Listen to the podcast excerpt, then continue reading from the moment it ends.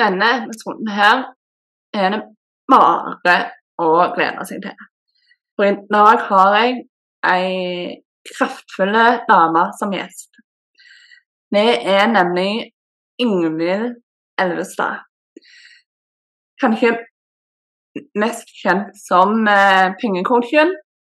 Og hun deler så sterkt, så åpen og så ekte og ut fra hjertet i denne episoden at eh, jeg blir skikkelig rørt og takknemlig for at hun hadde lyst til å være gjest her og dele sin personlige historie med pengeskam, og hvordan hun nå eier hele seg og står stødigere i sin egen kraft og virkelig på den måten bringer sin lys ut til verden for å hjelpe mennesker med bl.a. dette her med pengeskap.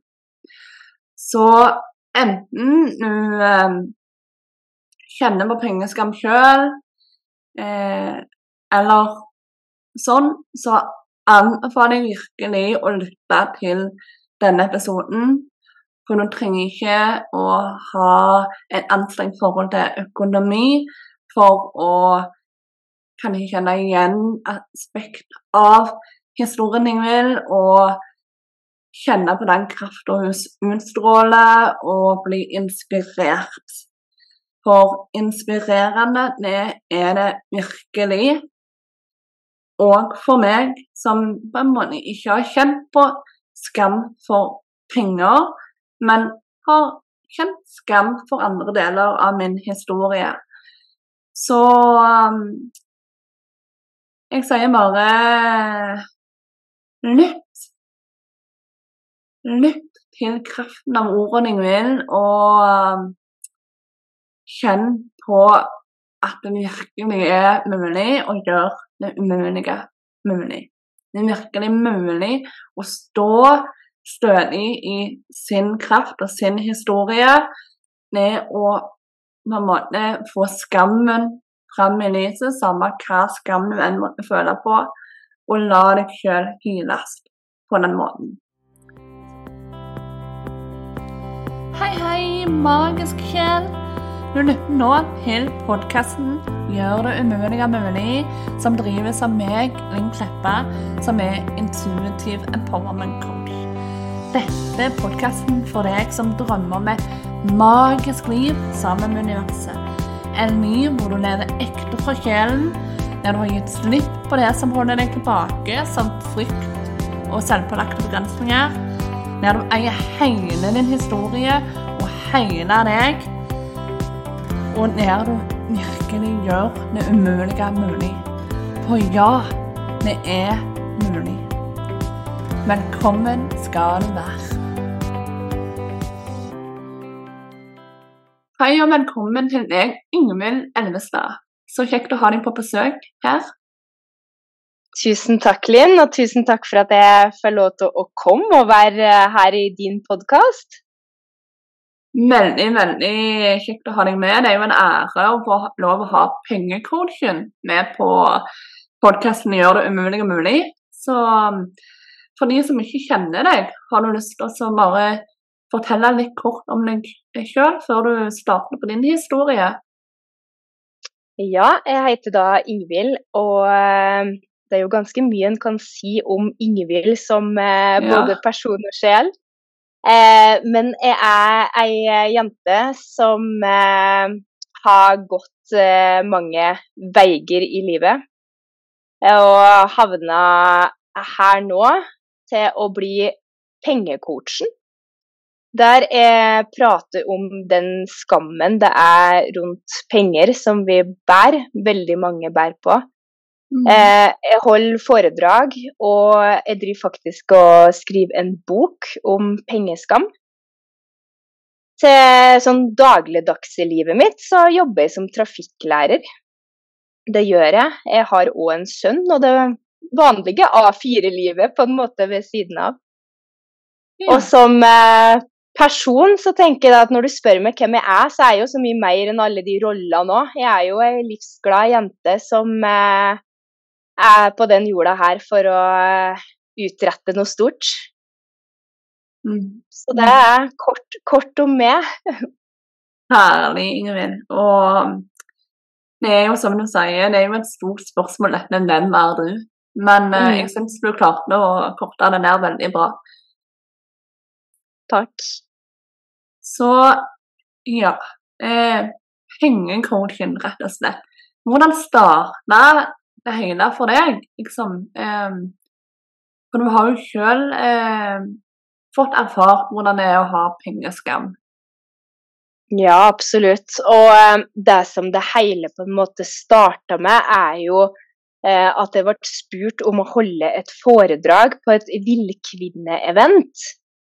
Eh, der hun som hadde det eventet, har hørt om min historie, ikke bare om penger, men altså generelt da min historie i livet, og hadde lyst til å ha med meg.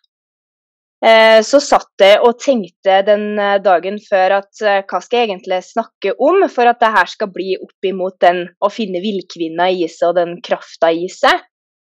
Um, og jeg kjente da at uh, jeg skulle ikke forberede noen ting.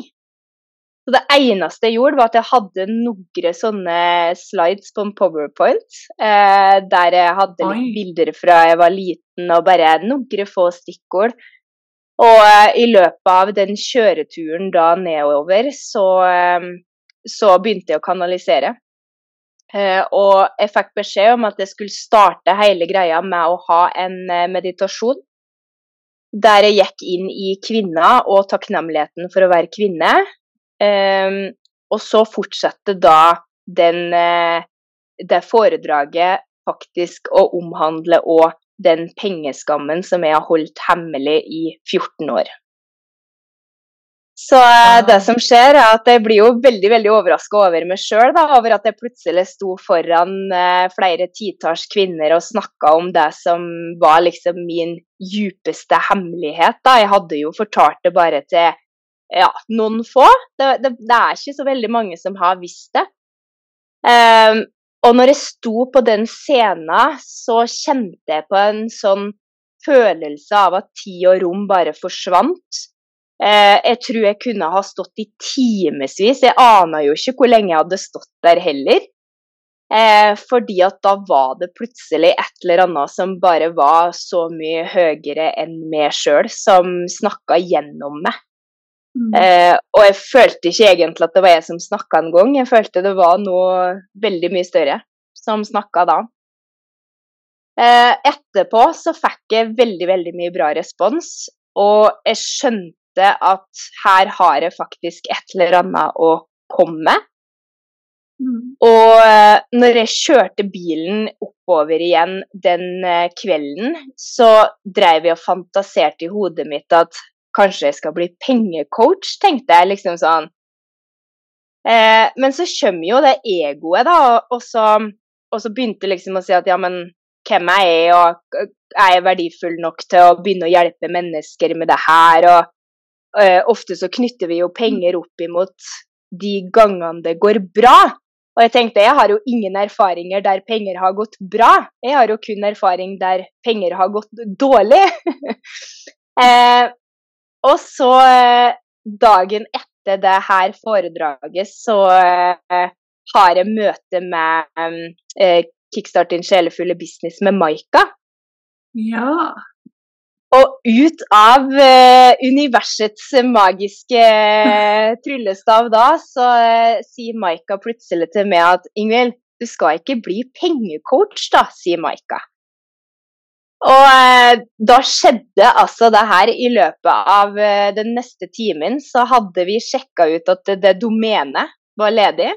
Eh, jeg oppretta en Instagram. Jeg, jeg fikk liksom ballen til å begynne å rulle. Og fra det øyeblikket så identifiserte jeg meg som pengecoachen. Det ble på en måte min nye identitet. Wow. Ja, ja så det, det, er så kraftfull, den historien der pengecoachen på en måte starter, at det skjønner jo jeg òg at det er faktisk ingenting som er tilfeldig. Nei, det er jo ikke det. Så, så det Etter den dagen så, så ble det sånn. Det gjorde det. Og jeg ser jo det at eh, det har jo tatt fart. Og eh, det har vært veldig mye omtale rundt pengecoachen. Og eh, etter hvert så endte jeg opp på God morgen Norge. Eh, plutselig var det aviser som hadde lyst til å ha en del av det. Fordi at det er faktisk ingen som prater høyt om penger når det går dårlig. Nei, det er nettopp det. Og derfor er det jo så viktig det du gjør da, sant? med å gå foran som et eksempel og faktisk vise at det, er mulig å slippe den skammen. Mm, absolutt, og, og, jeg tror på en måte ikke Skal se, jeg skal bare drikke litt. Um, det som jeg på en måte tenkte, eller har tenkt på, da, det er jo da at jeg tror ikke jeg har innsett sjøl hvor stor stemme jeg har, da. Eh, og det er ganske lenge siden jeg mediterte og så meg sjøl stå på ei scene. Men jeg hadde jo aldri i mitt eh, ja, i min villeste fantasi trodd at jeg skulle stå på scenen og snakke om pengeskam. Nei, sant. Men uh, den scenejobben og den foredragsbiten, det har på en måte blitt uh, det som uh, definitivt nærer meg mest, da. Fordi at da kan jeg nå ut til veldig mange mennesker og, og faktisk snakke høyt. Mm. Mm. Så har du lyst til å fortelle litt av din historie som for de som ikke kjenner til den? Eh. Ja, det kan jeg gjøre. Eh, jeg har jo en sånn formening om at både det med penger, med overspising, underspising, eh, destruktiv tankegang og sånn, altså alt, alt bugner jo i et eller annet. Mm, det gjør det. Og, ja, og da jeg var lita jente, så, så, kjente jeg veldig på det at jeg ikke passa inn. Jeg kjente på at um, hva skal jeg si, det føltes nesten ut som jeg var på feil planet. Og eh, når jeg på en måte begynte på barneskolen, så ble jeg veldig mobba. Og det var, jeg var både for stor, og jeg var for høy, og jeg hadde for høy stemme. Og jeg, jeg ble på en måte veldig sånn jekka ned til å kanskje bli noe som jeg ikke følte jeg var. Og det der fortsetter jo egentlig gjennom hele barneskolen, og, og, på ungdomsskolen så ble det egentlig bare verre. Og det ble et utrolig sånn kroppsfokus. Eh, for det, det, var liksom samme hvilken kropp jeg hadde, så var det liksom aldri bra nok. Veldig hvor det jobber i halsen her nå. ja, jeg forstår det. Um, ja. Eh, og det som da skjer, er at eh, når jeg kom eh, i 9. klasse så ble jeg syk. Da fikk jeg kyssesjuke og ble veldig, veldig dårlig. Og det gjorde at jeg rasa veldig ned i vekt. Og når jeg kom på skolen igjen etter den perioden, så var jo jeg ganske tynn. Og det som skjer da, det var at jeg plutselig får blikk om at nå er du bra nok, nå er du god nok. Når jeg liksom kom som en eh, tynnere og finere person, på en måte.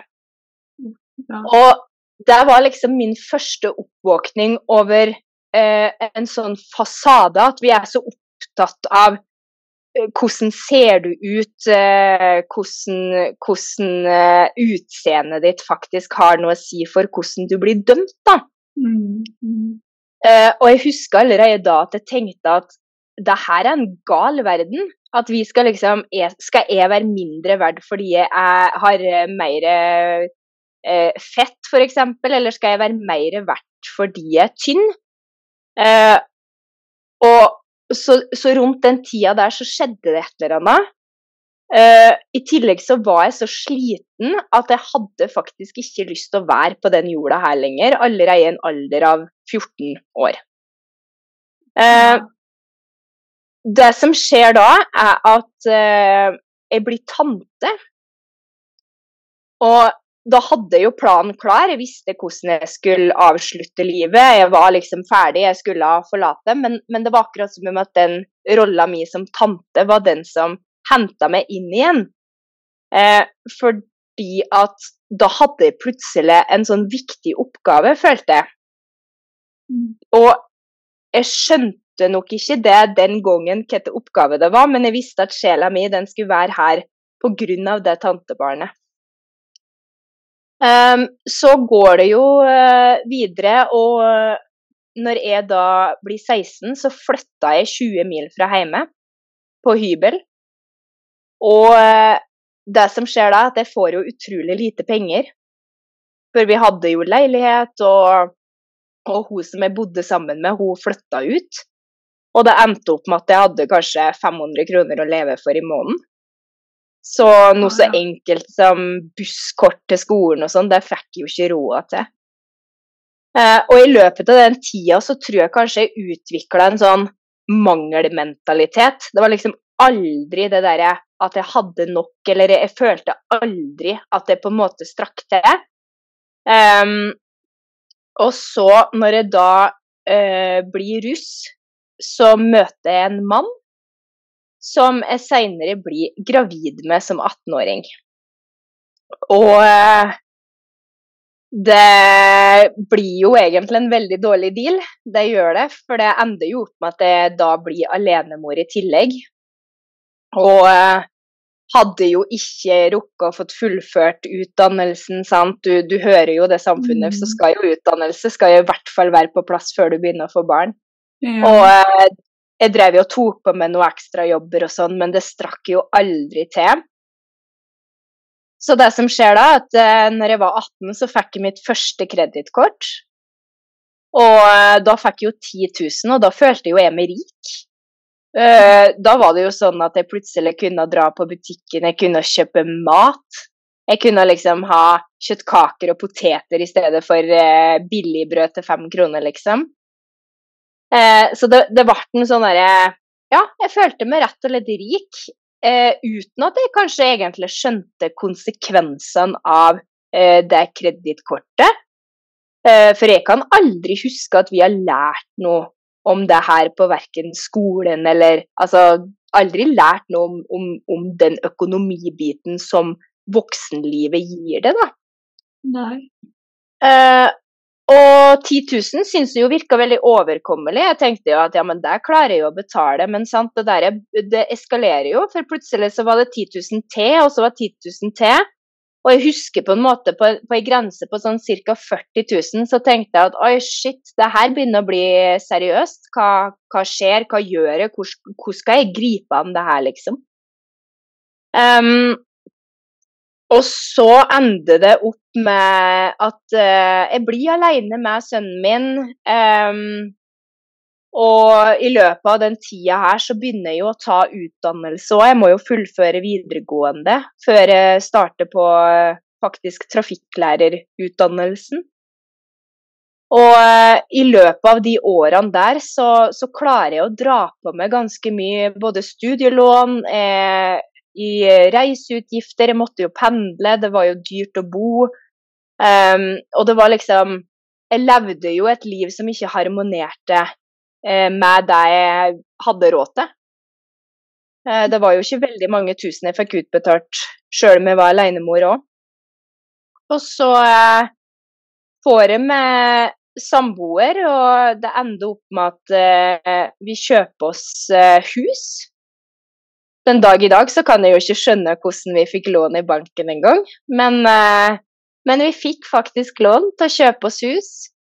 Og eh, det er jo starten på der det virkelig begynner å, å rakne den pengehistorien.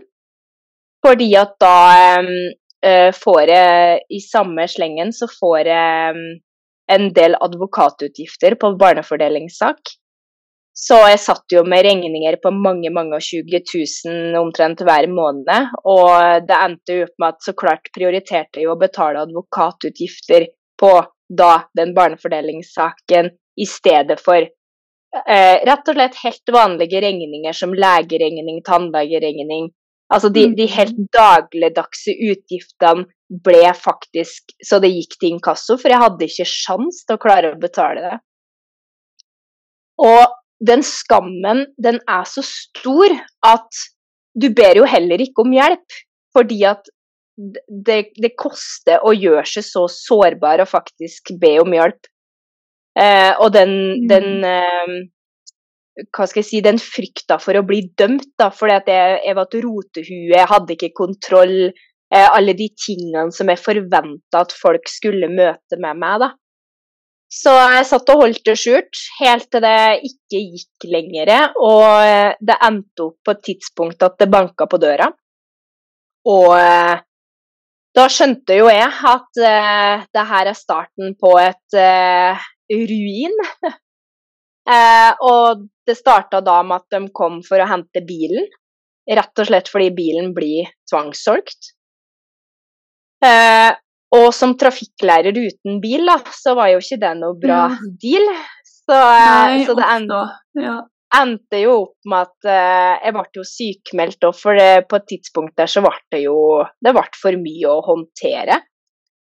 Uh, og jeg husker jeg satt i bilen før jeg ble sykemeldt, så, så tenkte jeg da at jeg skulle ønske at eleven bare gjorde den feil, sånn at jeg rett og slett bare slapp å, å være i det livet. For jeg, jeg, skjønte ikke hvordan jeg skulle klare å verken hente meg inn eller, eller faktisk tørre å stå i det her og være her, da. Eh, og da skjønte jeg jo at jeg begynte å bli veldig syk, når jeg på en måte hadde de tankene. Eh, og i løpet av da eh, ei toårsperiode så, så var jeg gjennom fem rettssaker. Eh, jeg hadde tre eh, spontanaborter mens det var i rettssak. Og huset ble tvangssolgt, og bilen ble tvangssolgt, og eh, forholdet vårt røyk. Så i løpet av den perioden så mista jeg på en måte absolutt alt.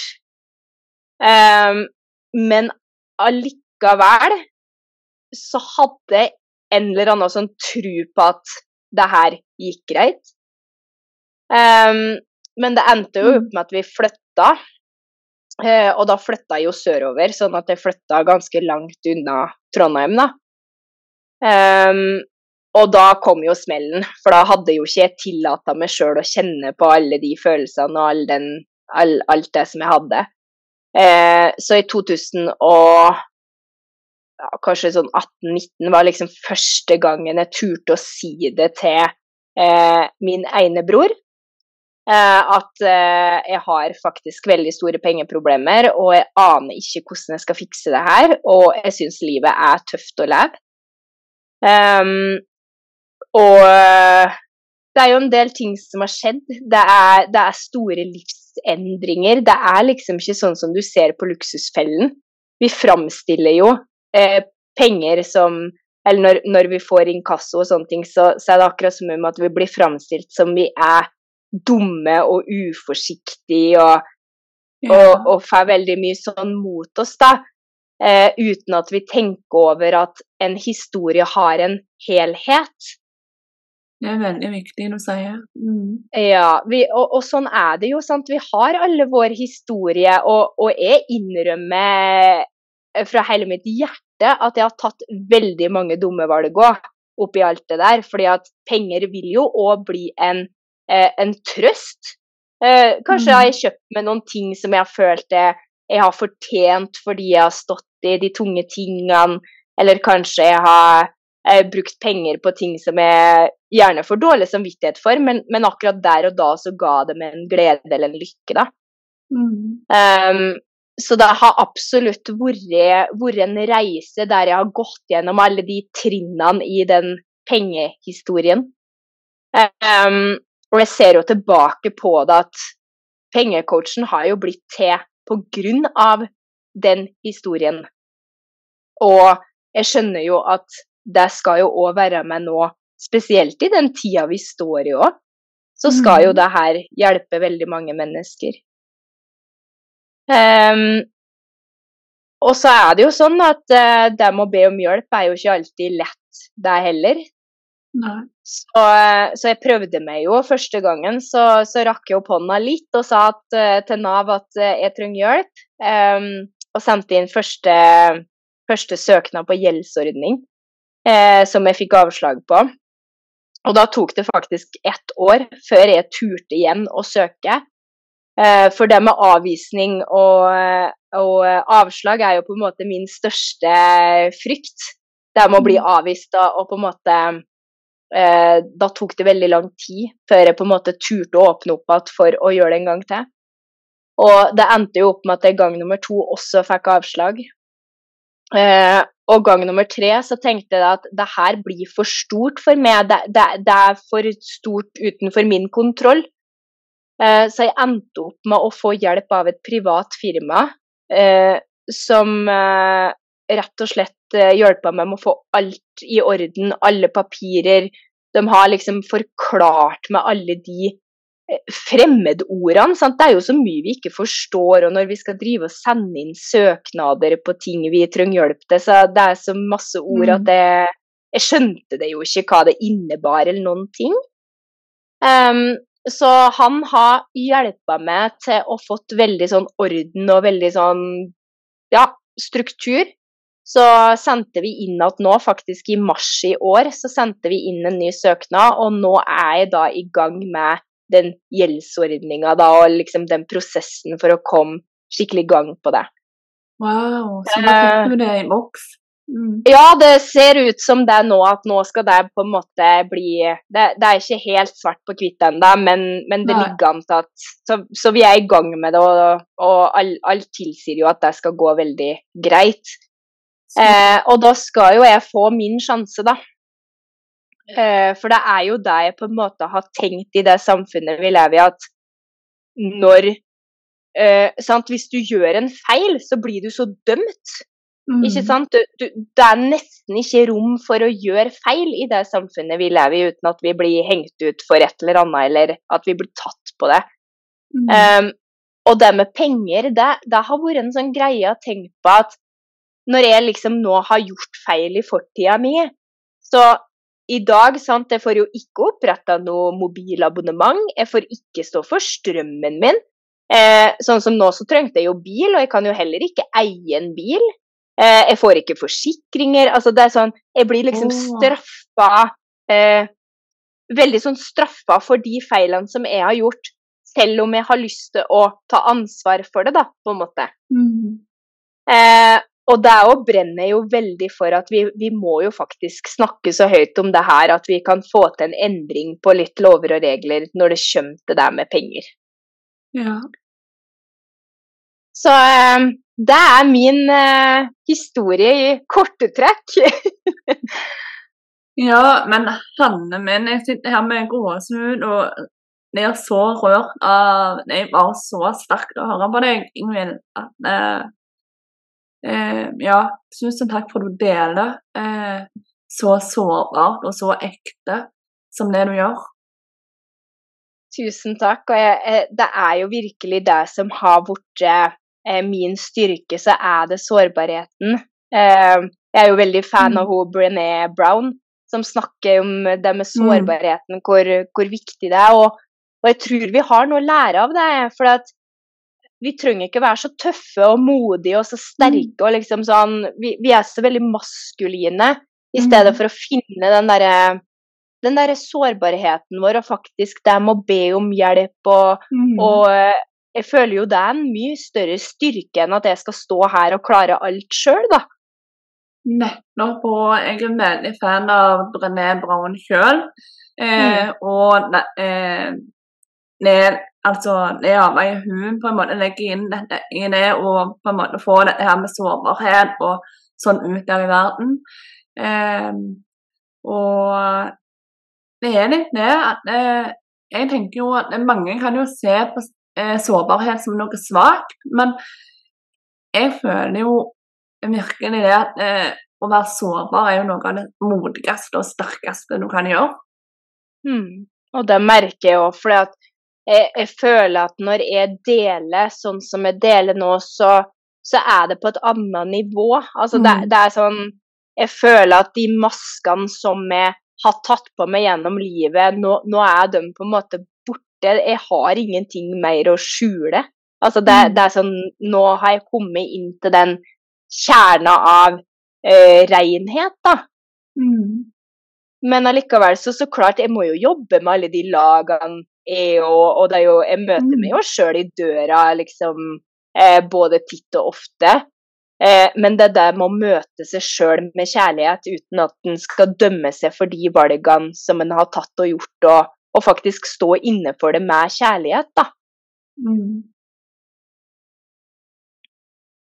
Det er, det er viktig, det, ja. Og det er jo som du sier, sant, alltid Det er jo alltid et eller annet man kan gjøre bedre, eller eh, et, altså et lag til du kan skrelle av, eller sånn. Men eh, for meg, da, som når og ser deg utenfra, så virker det ut som du står veldig trygt i deg sjøl nå, din historie, og at den energien som eh, av å leve det missionet du har da, eh, som pengecoachen, det bare stråler ut av deg. Du, du kan se at eh, du er i ditt rette element når Mm. du prater om nettopp det du prater om, og som pengecoachen, da. Ja, det er jo så artig at du sier det òg, for at det, det er jo som jeg prater litt om det der med identitet, og det der med å virkelig føle at du eh, walk the talk, da. At det er sånn Mm.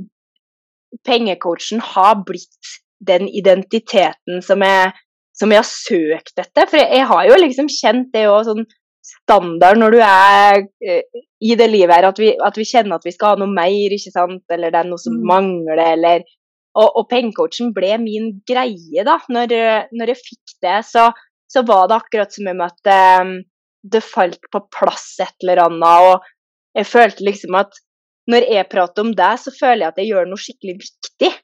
Mm. Eh, og de andre tingene jeg har holdt på med, så har jeg liksom kunnet kjent at ja, jeg gjør det jo, ikke sant, for vi lever jo i et A4-samfunn som forventer det og det, og så tilfredsstiller du på en måte de behovene. Eh, men det har aldri føltes ut som om at det jeg har gjort, har vært så viktig på en måte. Men med en gang pengecoachen kom, så var det sånn Ja, nå snakker vi. Nå, nå er vi på et eller annet eh, samme frekvens her. Ja. Det er liksom det som gir deg mening da, i livet. sant? Eh, mm. på samme måten som det jeg gjør, gir mening for meg. Og eh, jeg merker jo at eh, Vet ikke om du merker det, men sånn så når, når jeg òg eh, har begynt å eie mer min historie og dele mer altså enda dypere lag av meg og våge å gå enda mer, altså være enda mer personlig da, i det jeg deler, eh, så merker jeg at eh, jeg på en måte ikke bare gjerne hjelper andre mye på en mye sterkere måte, men jeg hjelper også meg sjøl til å hyles og sånn. Hvor, eh, får du litt den samme følelsen når du prater om din historie, liksom? Ja, absolutt. Og jeg tenker det at det er så viktig det du sier, for det er noe med det at jeg vet ikke, nå I den sosiale medieverdenen som vi lever i, da, på en måte, altså sosiale medier har jo Mm. blitt en veldig stor del, så, så er det så lett å gjennomskue de menneskene som virkelig er sentrert, da, kontra det som kanskje blir overflata. Eh, Mm. Og du er jo en sånn person, ikke sant. Det der med å eie historia di, det der med å være stolt av både eh, det som er bra og det som kanskje har vært mindre bra, eh, Mm. og faktisk ta ansvar for alle de valgene du både tok og ikke tok.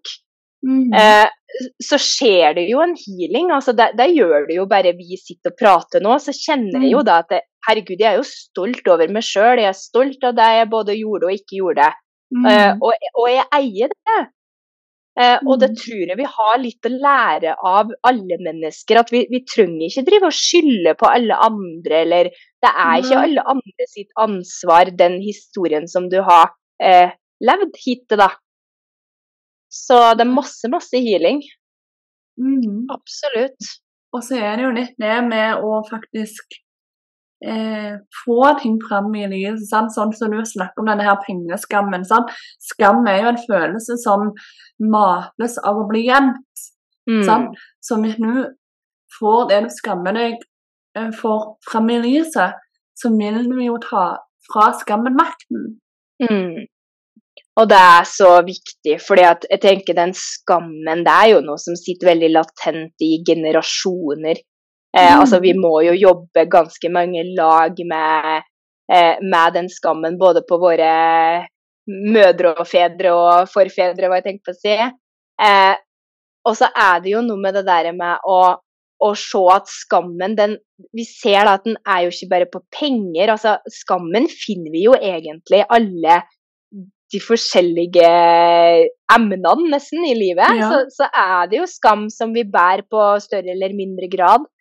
Mm. Uh, og jeg kjenner, kjenner, jo veldig på den at Altså, jeg, jeg, trodde aldri at jeg skulle klare å liksom prate om penger som det mest naturlige i hele verden. Eh, mens nå så ser jeg jo da at altså, penger er jo viktig å snakke om. Tenk på bare i forhold, da. Det der med å være mm. åpen med partneren sin om OK, når jeg var på butikken i stad, så kjøpte jeg den buksa her. Eh, og det, det, er jeg stolt over, uten at vi skal Det er jo mange som har sendt meldinger og sagt at de ikke tør å fortelle eh, kjæresten eller samboeren eller den de er gift med, at de har kjøpt en bukse, eller at eh, det er jo mange som ikke har fortalt dem de er sammen med, at de har gjeld òg, som de faktisk holder skjult. Eh, og det er jo veldig sterke ja, det er jo veldig sterke historier, ikke sant? For det sier mm. litt om om hvor mye penger faktisk har Altså hvor mye makt da, som vi mennesker har lagt i det pengesystemet som vi selv mm. har fiksa. Det er jo vi som har ordna det her. Ja, det og det, ja, og det er jo så fint at det, du da kan være på en måte en veiviser for alle de som da sender deg melding. at eh, eh, For det jeg har sett med ting om på en måte jeg gjemte bort av min personlige historie som pga. skam, annet. Det er jo eh, For det kan, som du var inne på, det kan jo være så mye eh, når det er skam rundt. sant? Eh, eh, og det er jo at eh, når jeg, når jeg først begynte å dele, så så jeg jo at det var jo ikke så farlig som det jeg hadde lagt meg i hodet at det var. sant?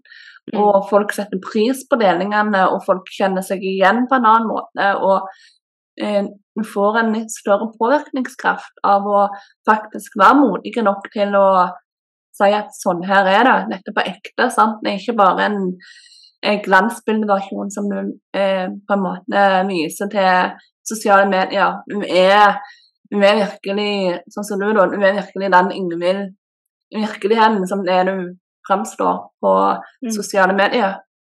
Mm. Og det tror jeg er så viktig, for at den stemma som både jeg og du har, det, det ser du da at Altså, jeg har gått inn med en sånn uh, intensjon at OK, men så kan jeg hjelpe ett menneske, da. Men så ser jeg jo da at det er ikke bare det ene mennesket, det er faktisk ganske mange mennesker. Eh, mm. Og så ser jeg jo da at når jeg hjelper det ene mennesket, så vil jo det mennesket igjen kanskje få det her videre, sånn at vi får den dominoeffekten ut i verden, da. Eh, for vi, vi, er jo her for en grunn. Både jeg og mm. du har jo en oppgave her på jorda. og, og jeg tenker mm. jo da at, eh, at det med å snakke om skammen er jo faktisk noe som vi begge to eh, kan gjøre ut i det hinsidige. Mm, også sant, ja. Også på hver vår måte og på hvert vårt felt. Og mm. Jeg tror jo òg veldig på at eh, alle mennesker er født med ei livsoppgave. Men for noen så er det sånn som oss å være gründere, drive egen business og være talspersoner på en måte for et, det vi brenner for. Mens for andre mm. så kan det gjerne være litt mer sånn subtilt og gjerne mer personlig retta. At, mm. At det er viktig at gjerne får fram at den, den som lytter her nå, gjerne lar seg inspirere sånn, av din historie og det som blir delt her, men nødvendigvis ikke trenger å være eh, fordi at eh, du skal starte en business eller du skal bli kvitt pengeskam eller sånn, men gjerne mer, mer inspirert til å faktisk gjøre det mulig og mulig. Da. Kvitt deg med de der lag og kvitt deg med masken. For samme hva det er, så er det ikke så skummelt som det du lager deg til i hodet. Mm. Og det er jo noe med det at eh, den frykta som vi går og bærer på, det er jo ofte hva ja, hva tenker andre mennesker om oss, og liksom, hva, hva, hvilken mening har de? Og, og jeg har jo så klart møtt på folk som Jeg, jeg merka jo at det skjedde en endring når jeg plutselig var åpen om det her. Eh, Mm. Men allikevel så har jeg liksom hatt en sånn indre ro på at de menneskene som har lyst til å være i livet mitt, de, de kommer til å være der. Eh, Mm. mens de menneskene som faktisk forsvinner, da, da tenker jeg at ok, men da var de med på reisa akkurat hit, og så kanskje Mm. møtes vi igjen, men, men hvis det var akkurat hit, så er det greit, det òg.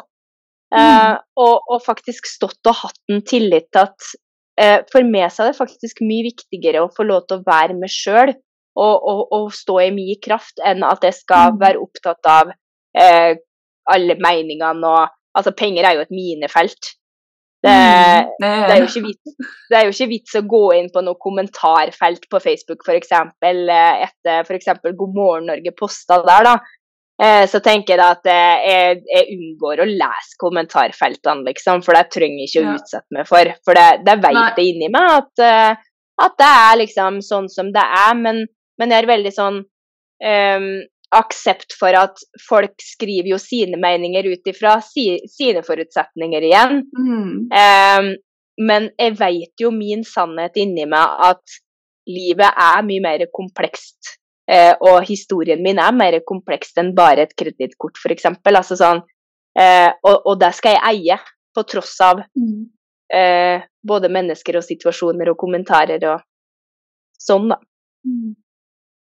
Ja, det er så sterkt å høre på deg, og det er jo viktig å huske på òg, Ingvild, at det, eh, alle mener noe om alt uansett, og at du ved å leve ekte fra sjelen din, da, sånn som du livet du er ment å lære, og i den oppgaven du er ment å fylle opp, liksom, det er jo Mm. da du tiltrekker deg alt det som er ment for deg òg. Både mennesker du kan hjelpe, ting du, i den materielle verden du trenger sant, for å komme enda lenger på livsveien. Sant? Og Mm. eh, jeg tror veldig på det, da. at Når du på en måte lever i tråd med den du virkelig er, så, så er det det med den energien du vil tiltrekke deg òg. Og da, da vil det jo forsvinne ting, men det vil komme inn, inn ting òg som er mye bedre enn det som forsvant, er mye tro, da. Mm. Og det har jeg så trua på sjøl òg, for at, eh, jeg ser jo det når jeg liksom har stått For nå har jeg jo både drevet med trafikkskole, ikke sant, men jeg har jo òg drevet med pengecoachen. Eh, og jeg ser jo da at på trafikkskolen nå så har jeg fått veldig mye motgang, mens på pengecoachen så går det lett. Eh, så det er så lett å se Ah, ja. ja. veldig, veldig interessant å se liksom at, at det nesten så jeg føler jeg blir liksom eh, nå, nå er tida di ferdig her. Eh, det kan hende jeg skal på en sånn mellomstasjon. Eh, det tror jeg nok kanskje at jeg skal. Men allikevel så føles det ut som jeg har hatt en litt sånn eh, hva skal jeg si, nesten en sånn tentamen, for nå har jeg hatt menneskene, ikke sant. Jeg har fått Mm. brukt min, eh, jeg har fått brukt min klokskap i, i mennesket. Eh, men det er akkurat som om at jeg blir dytta unna der. Eh, Mm. og før så hadde jeg jo fått helt eh, noia for at eh, ting eh, blir eh, kaos, men, men nå så har jeg en sånn Det er så rart, jeg har en sånn ro og en sånn tillit til at ja, men det er greit. Og, og, og hvis, hvis det er ferdig det her nå, så, så går det faktisk helt fint. For da, da har jeg utretta masse bra, og så kan jeg faktisk gå til det neste som skal legge seg til rette på den forhåpentligvis Mm. høsten som vi har i møte, da. Eh, så jeg syns det er så fint å, å på en måte kunne være der og stå i det, men så kan en òg slippe det. Man trenger ikke stå og holde fast på noe som allerede er forbi, da. Nei. Og da har du jo veldig pinlig eh, til det som skjer, eh, tenker jeg. At eh, når du Mm. kan stå i det sånn eh, eh, For du, eh, du nevnte jo før eh, eh, Altså før vi gikk sånn på rekord her på podkasten, så nevnte du litt om denne her eh, spirituelle troen di òg, at den òg har blitt utvikla i denne prosessen. Mm, absolutt. Jeg har jo vært spirituell hele livet, det, det ser jeg jo, men jeg var jo ikke klar Mm. over det før kanskje sånn skikkelig i sånn 2009, tror jeg, tror jeg Ja, når jeg var sånn 18 år. Da, da hadde jeg nok en uh, veldig, veldig sånn sterk uh, tru. Og så uh, skjønte jeg jo mye av greia, og jeg begynte liksom å utvikle meg og, og få veldig, veldig behov for selvutvikling. Mm. Men det tror jeg òg kom av at når du blir stående i så mye heftige situasjoner i livet, så har du behov for å, for å utvikle det, for å få en djupere forståelse, da. Mm. Um, og jeg begynte jo med det, liksom det spirituelle, og jeg skjønte jo at jeg hadde mye i meg, og sant, det der med å sense mennesker. Eh, jeg tok inn liksom så veldig mye, og, og følte jo ut som mm. om at eh, humøret mitt gikk opp og ned, liksom. Og så skjønte jeg jo ikke OK, hvorfor blir jeg trist, hvorfor blir jeg lei meg nå, hvorfor blir jeg sint? For jeg hadde jo ikke noen grunn til å være sint eller lei meg, liksom. Mm. Eh, og så begynte jeg jo å bli nysgjerrig på herregud, kanskje, kanskje jeg rett og slett tar inn andre mennesker, og begynte å bli mer bevisst på det òg, da. Um, så den veien fra 2009 til 2023 har jo vært en, en vei på den sjølutviklinga og det spirituelle. Absolutt. Og, mm. og, jeg er veldig, veldig takknemlig for at jeg har hatt det med meg òg. For det er akkurat som om at det er det som liksom har holdt meg fast til å, til å begynne å få den tilliten mer og mer, da. Mm. Så, så, det er jeg veldig, veldig takknemlig for. At, uh, og jeg er jo så takknemlig for det community òg, ikke sant? Uh, mm. Som vi faktisk har skapt, da. Mm der en kan støtte seg på andre mennesker og følge reisa. Og, og det, det, åpner jo opp for at en tør å være enda mer seg sjøl og det en er ment for å være. Mm, det er helt sant. Og det er utrolig for en styrke det er å ha den der en eh, troa på at det er noe mer der ute, og at du blir passa på av universet og ja, din egen åndenhim, eller hva du vil kalle det, og eh, sånn. Så det har òg vært en veldig viktig del av min reise, den, eh, den tilliten som kommer av det, da. Ja, absolutt. Og, og jeg mm. tenker da at det er sånn altså Samme hva en tror på eh, av mm. kan jo kalle, kalle, det akkurat hva en vil, men for meg så er det viktig å ha trua på at det er støtte da, og at, eh, mm. at, det er faktisk noen som er med meg og har ryggen min, da, og, og som jeg mm. kan eh, rope og skrike. Altså, jeg ligger her og hyler, og jeg har hulkeskriket, og jeg har eh, omtrent kjefta, altså, fordi at det er sånn derre Hva er meninga? Hva er mitt neste riktige steg? Og, og jeg har følt at det har vært skikkelig urettferdig før det på en måte har gått over til å bli virkelig bare sånn Ja, så klart måtte jeg jo gjennom tvangssalg av huset, ikke sant? Eh, altså mm. da, det som andre folk kanskje hadde tatt veldig på vei på, det, det, har plutselig gitt meg en mening, for jeg skal jo bruke det her i pengecoachen. Altså, det, det mm. gir jo så mening, alle de store tingene, da. Mm. Så det, jo... det spirituelle Ja, unnskyld. nei, fortsett. Kom igjen. Ja, nei, så det spirituelle, det har liksom gitt meg en sånn jeg føler det har gitt meg en sånn tyngde til å tørre tørre å stå i det. Jeg, jeg, skal tørre både å ha det bra og dårlig, og så og så stå i de stormene og, og ri på dem, da. Mm. Det er jo veldig viktig det der å gjerne se på eh, livets stormer da, eller motgang eller sånn, på en annerledes, litt mer opphøyet måte. da. Mm. Det, og da får det en helt annen betydning, og du får en helt annen styrke i å stå i det òg. Ja, det har jeg jo kjent på veldig nå spesielt den siste tida, så har jeg måttet gått gjennom ekstremt mye eh, eh, forløsning igjen. Eh, mm. og vanligvis vet du, så hadde jeg sikkert tenkt at ok, men det her blir faktisk for tøft for meg. For det, det, det, er tøft å, å, stå i det og, og, faktisk kjenne på det og begynne å ta valg når ting Det komiske oppi alt er jo at det handler jo om penger igjen, ikke sant? Så mm. hvis jeg nå bryter ut av den jobben min Kanskje skal jeg da på en mellomstasjon, men altså, målet mitt er jo pengecoachen sånn fullt og helt. er jo mm. målet mitt framme der. Men for å få gjeldsordninga, så er jeg jo avhengig av en fast inntekt. ikke sant? Jeg er avhengig av de pengene. Jeg må ha det der A4-livet som kommer inn, liksom. Mm. Eh, men så har jeg òg tenkt at OK, men hvis jeg ikke var spirituell, da, da hadde jo jeg kommet til å frika ut nå. Fordi at alt, alt forsvinner jo.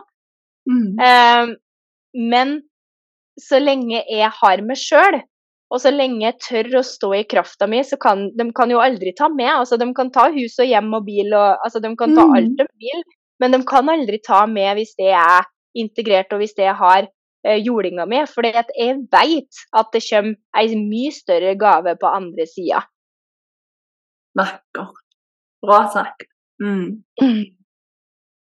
Sånn, for å runde av litt nå, eller begynne å runde av eh, Vi var jo inne på eh, Hvis vi kan gå litt tilbake, så var vi inne på dette her med med du holdt dette her skjult i Mm. veldig mange år. Og så begynte vi å lette deg, og så eh, for eh, blant annet si det til den ene broren din. Eh, du hadde, eh, jeg eh, ser for meg at du hadde eh, en grunnen til at du på en måte Hun snakket om at det var mye skam rundt at det var også gjerne det som gjorde til at du holdt det hemmelig òg for dine nære og kjære, men òg gjerne at du lagde deg historier om hva de kom til å si, sånn, hvordan de kom til å se på deg sånn, etter du fortalte dette. og sånn. Har du lyst til å fortelle litt om hvordan du um, ble møtt når hun du endelig åpna opp mot eh, liksom, ja. Mm. Og det er jo så artig med den historien der òg, for at den hadde jo mange lag. For at eh, ofte så eh, Det er jo skummelt å fortelle dem du virkelig, virkelig bryr deg om. Samtidig som at de er jo dem som faktisk kommer til å stå der òg. Eh, så det, det, var litt sånn eh, interessant når jeg liksom sier til han, så sa han til meg Men Ingvild, jeg har jo skjønt at det var noen ting. Men jeg har nok hatt et veldig, veldig sterkt eh, skjold framfor meg. For jeg, jeg, har liksom Jeg har hatt så lyst til at menneskene skulle se meg. Ikke sant? Se meg, se meg, se meg, lik meg, ta, ta meg for det jeg la meg bare for hver Ingvild. Samtidig som jeg har bygd meg opp en mur. En, en skikkelig forsvarsmur. Så jeg, jeg, har jo ikke sluppet folk inn. Jeg har jo egentlig bare bygd den muren høyere og høyere og høyere. Så han sa det jo at du lar oss jo ikke hjelpe, sa han. Eh, og da innså jeg jo òg at OK, jeg ber nå om å bli sett, men, men, eh, men eh, dere kommer jo faktisk ikke inn. Jeg åpner jo ikke døra engang for at dere skal få lov til å komme inn. Eh, så når han møtte meg, den første broren min møtte meg, så skjønte jeg jo da at ok, da, da letta jeg jo veldig inni meg at ok, nå har jeg i hvert fall sagt det til ett menneske. Mm. Så endte jeg opp med å si det til bror nummer to.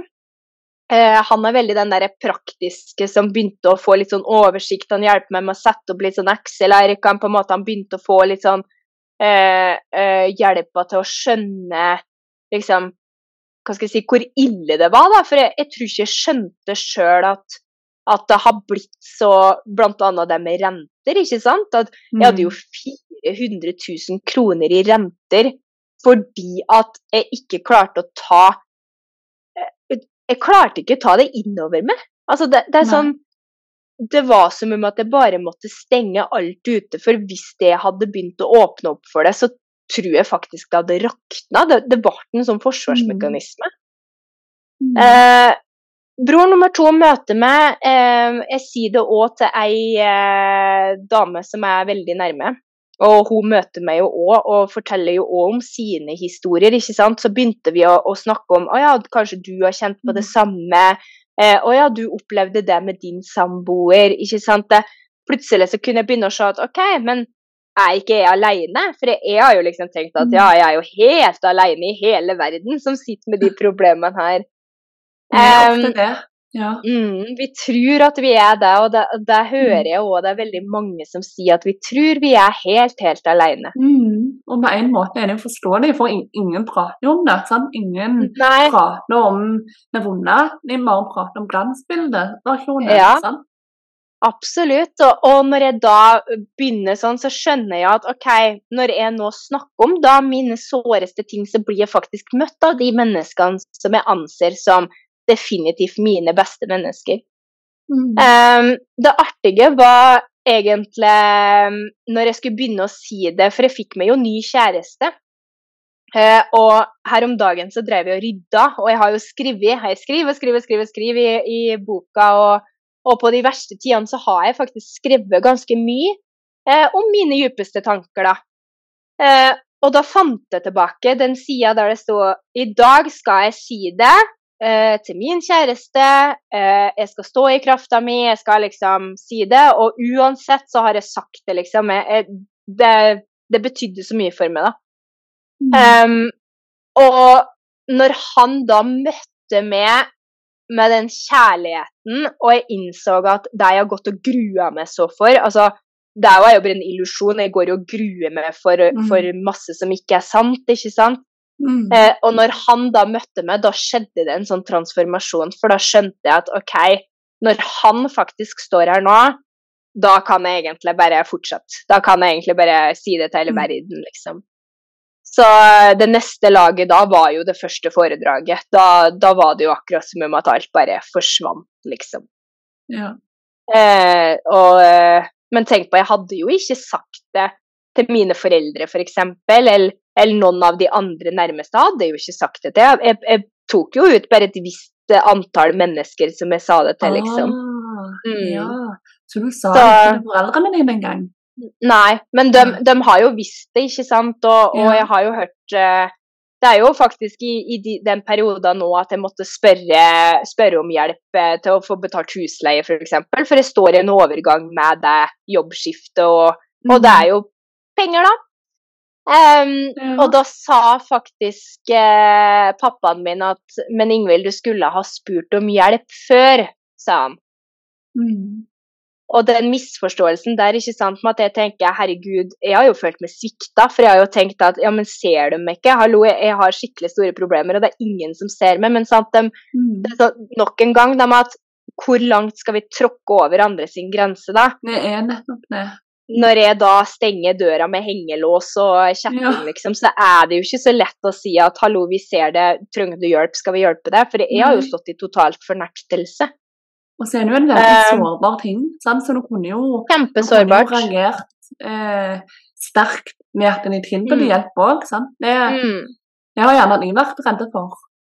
Ja, ikke sant. Og, og, det er jo det jeg på en måte tror jeg har gått og kjent veldig mye på at OK, men når jeg nå snakker høyt og sant, Nå har jeg jo vært på riksdekkende TV, jeg har vært ute i, i flere store aviser, jeg har liksom virkelig prata om det. Eh, men, men, å ha den tilliten til at OK, greit, men hvis da min mor eller far eller eh, familie eller sånne ting forsvinner, så, så går det bra. Så mm. lenge jeg, jeg har meg sjøl, så, så, har jeg liksom tenkt at det er definitivt det viktigste. Mm. Du har så det er jo et kjernekall, da? Jeg har det, absolutt. Ja. Og, og, eh, og, det er som jeg sier, at når du endelig liksom kjenner på den, så, så er plutselig Det gir mye større mening. Mm. mm. Så tusen takk for alt du deler. Og igjen, hun er jo så åpen og eh, fint at eh, det er glede å høre på deg. Eh, har du liksom noen sånn eh, ja, noe du kunne tenkt deg å på en måte prate om sånn avslutningsvis? Noe du føler du ikke har fått sagt, eller sånt? Jeg tenker på en måte bare det med, med at det uh, umulige mulige, så har jeg et motto som heter at, at uh, innvikling gir utvikling. Uh, og det er på en måte blitt mitt sånn motto at samme hva dine lyttere og de som hører på den podkasten nå står i, så så vil, det, vil, du alltid komme sterkere ut på andre sida. Mm. Det er egentlig og, og står du med da Ja, uansett hva du står i, da, så, så, så lønner det seg å, å, be om hjelp. Det lønner seg å Begynner vi igjen? Mm. uh, uansett uh, hva du står i, så um, ja, så vil du komme sterkere ut på andre sida. Det er egentlig det jeg ønsker å avslutte med. Å bare ha tillit og trua på at, at du er akkurat der du skal være. Nydelig. Nydelig.